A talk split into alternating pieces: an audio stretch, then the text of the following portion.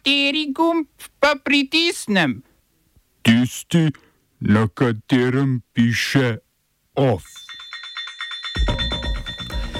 Poslanska skupina socialnih demokratov pri zakonu za razdelitev prenosnikov ponagajala svobodi. Toživci in sodniki nadaljujejo stavko. Vitoslav Tirk legaliziral na črno zgrajeno obalno vilo. Evropski parlament sprejel novo klasifikacijo gensko spremenjenih organizmov.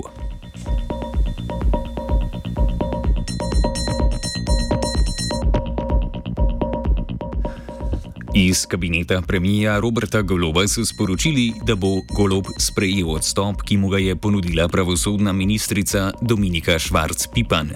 Ministrica in premijer sta se dogovorila, da ga bo Švarc-Pipan predvidoma v tednu dni seznanila s končnimi ugotovitvami in dokazi glede nepravilnosti pri nakupu sodne stavbe na Litijski. Predsednik vlade bo pogovore o imenovanju novega pravosodnega ministra oziroma ministrice začel prihodnji teden. Švarc Pipan je dejala, da se je za odstop odločila, da bi demantirala obtožbe o tem, da se oklepa ministerske funkcije.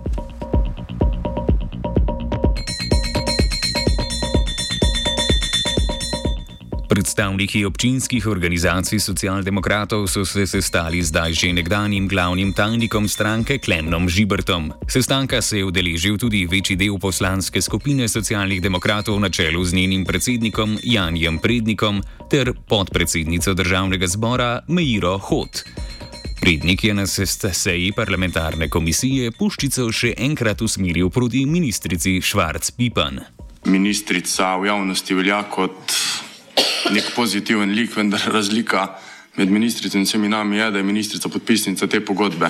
Torej, te pogodbe, na katero pada nek sum korupcije. In meni se zdi, da je ministrica v tem primeru kot neka Esmeralda, ki je po letu in pol ministrovanja na tem ministrstvu spregledala.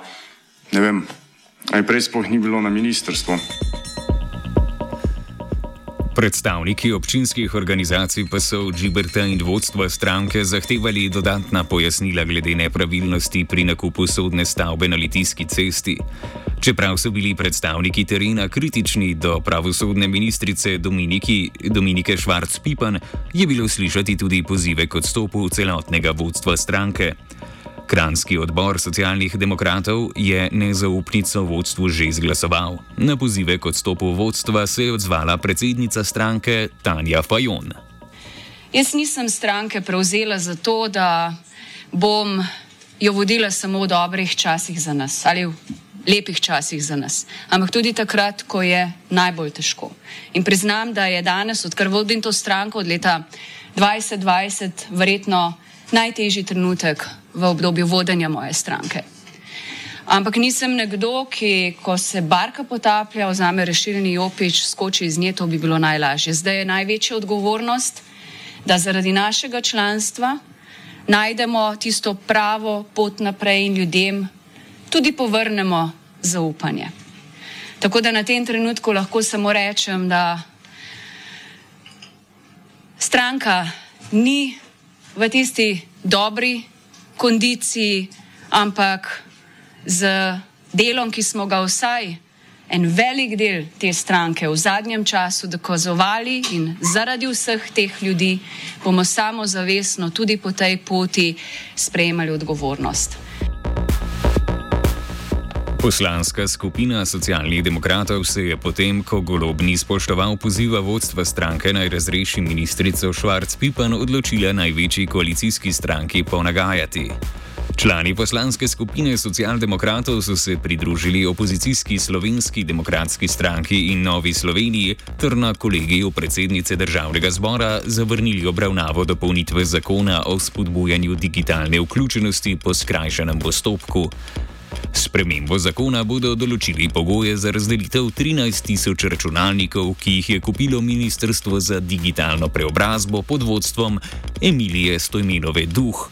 Računalniki od lanskega novembra čakajo na razdelitev, saj vlada kljub temu, da se je rok za opredelitev pogojev iztekel z začetkom leta, ni določila kriterijev za njihovo razdeljevanje. Da bi zdaj pospešila razdelitev računalnikov, je vlada predlagala obravnavo predloga po skrajšanem postopku, čež da gre za manj zahtevne spremembe.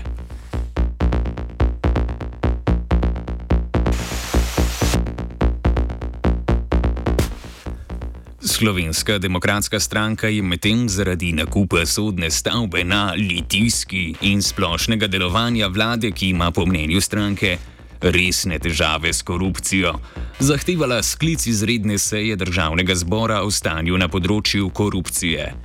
Poleg nakupa sodne stavbe je bil povod za sklice je nakup 13 tisoč računalnikov ter lastništvo premijeja Roberta Goloba v podjetju Star Solar, ki posluje z državno energetsko družbo Borzen. SDS sicer pripravlja tudi interpelacijo celotne vlade. Zakaj se je stranka najprej odločila za sklic izredne seje, je v oddaji 24 ur zvečer pojasnil predsednik stranke Janez Janša. Zdaj to, kar se dogaja, dejansko zasluži interpelacijo vlade in ta se pripravlja, vendar pa so tukaj roki. E, če vložimo interpelacijo z opr vlado, ima vlada 30 dni časa za e, odgovor in po tistem se šele skliče se jaz. Skratka, o tej temi bi razpravljal še čez dva meseca. Zato smo zahtevali najprej izredno sejo, ki mora biti v 15 dneh. In tukaj boste imeli tako predsednik vlade kot ministrica, če bo še na položaju, priložnost, da pojasnite tiste stvari, za katere pravite, da jih zdaj raziskujete. Zdaj, glavni očitek je uh, vrsta korupcijskih zadev, ki jih priznava tudi sam predsednik vlade. Uh, vendar pa ne vlagamo konstruktivne nezaupnice, vlagamo interpelacijo, se pravi razpravo o delu vlade in seveda tukaj želimo upozoriti tudi na to, o čem sem prej govoril, o tem, da je tukaj vrsta problemov, ki jih je treba reševati, pa uh, seveda je prva tema zdaj že kaj tri tedne litiska, litiska, litiska, tudi drugi, drugi problemi so s tem, ko gre za to famozno litisko. Mislim, da smo vsi pregledali bistvo. Ne?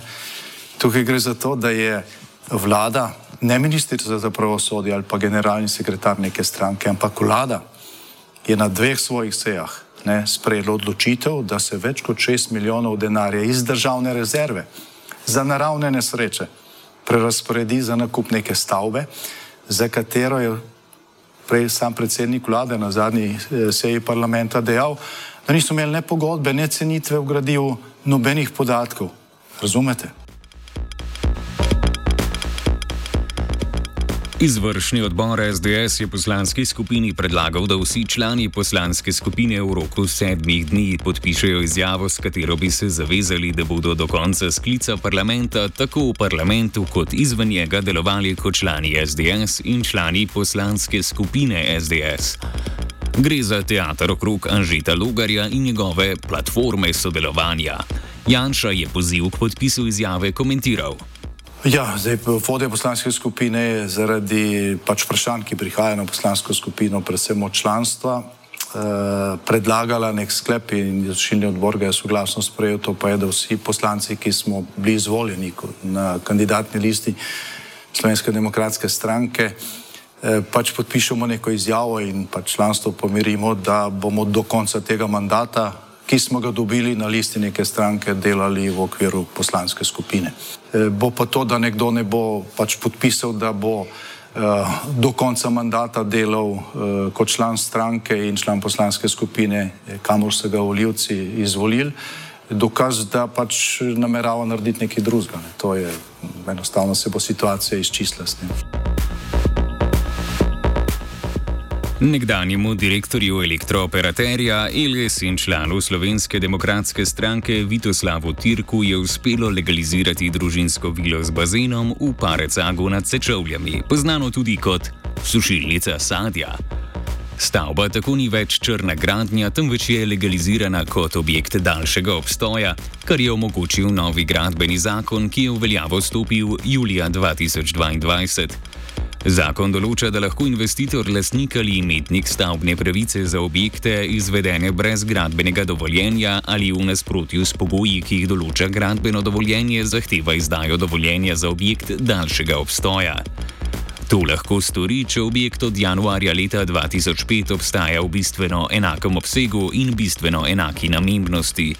Za legalizacijo objekta so morali Tirkovi odšteti slabih 13 tisoč evrov za uzurpacijo prostora in 40 tisoč evrov komunalnega prispevka. Koperska gradbena inšpekcija je leta 2013 Tirkovim naložila, da morajo zrušiti nezakonito zgrajeno hišo v lasti družine in hišo v lasti podjetja Virtus, katerega lasnika sta Tirkova sinova. Vitoslav Tirk je vilo s pogledom na soline namreč zgradil na zemlišču, kjer bi po gradbenem dovoljenju lahko stala le sušilnica sadja.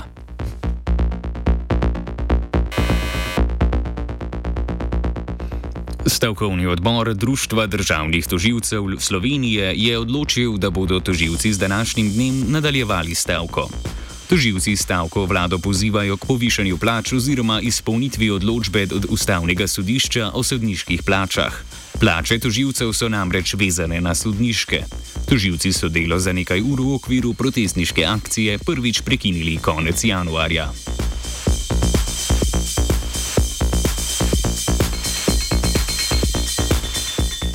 Glavni odbor Slovenskega sodniškega društva je sprejel sklep, po katerem danes na sodiščih potekajo protestni shodi. Kljub temu so se v društvu odločili, da sodniki ne bodo več omejevali dela sodišč, kot so to storili v okviru dvotedenskega protesta, ki so ga začeli 10. januarja. Pravosodna ministrica Dominika Švarc-Pipan je za danes sklicala ločena sestanka za predstavnike sodstva in tožilstva, da bi obudila dialog. Tuživci pravijo, da bodo datum stavke napovedali šele po sestanku.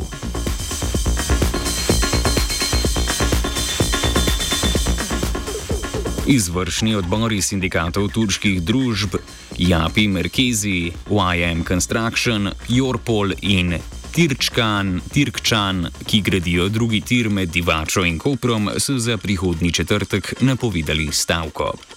Sindikati prvih treh podjetij zahtevajo dvig osnovne plače vseh delavcev za 30 odstotkov, poplačilo vseh nadur, izplačilo dodatka za prevoz na oddaljeno gradbišče ter ureditev varnosti in zdravja pri delu. Ker delodajalci delavcem kršijo delovno-pravne pravice in kolektivno pogodbo gradbeniške dejavnosti, zahtevajo, da je stavka plačana. V sindikatu podjetja Tirčkan Poleg tega pozivajo k poplačilu vseh prispevkov in davkov iz delovnega razmerja za vse delavce, ki so delali oziroma še vedno delajo od začetka projekta izgradnje drugega tira.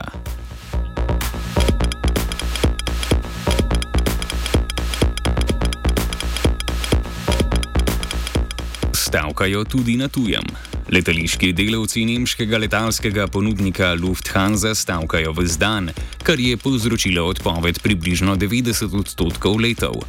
Sindikalna centrala Verdi je ponudbo vodstva podjetja v zvišanju plač približno 25 tisoč zaposlenim zavrnila. Od podjetja zahtevajo 12,5 odstotka, 12,5 odstotno zvišanje plače ali zvišanje plač za vsaj 500 evrov za obdobje naslednjih 12 mesecev ter enkratno plačilo v višini 3000 evrov zaradi zvišanja cene življenjskih potrebščin. Evropski parlament je sprejel nova pravila za klasifikacijo gensko spremenjenih organizmov. Nova klasifikacija določa dve kategoriji. V prvo sodijo gensko spremenjene rastline, za katere bo po uredbi veljalo, da se ne razlikujejo od tistih pridobljenih s konvencionalnim gojenjem. Te bodo po uredbi izuzete iz zakonodaje o gensko spremenjenih organizmih. V drugo kategorijo sodijo rastline s kompleksnejšimi modifikacijami, ki bodo podvržene strožji regulaciji. Za semena vseh gensko spremenjenih rastlin bo po uredbi veljalo, da morajo biti označena z oznako NGT, a za rastline prve kategorije označevanje na ravni potrošnikov ne bo potrebno. Parlament se bo zdaj o končani verziji uredbe pogajal z državami članici v Evropskem svetu. OF je pripravila Tija.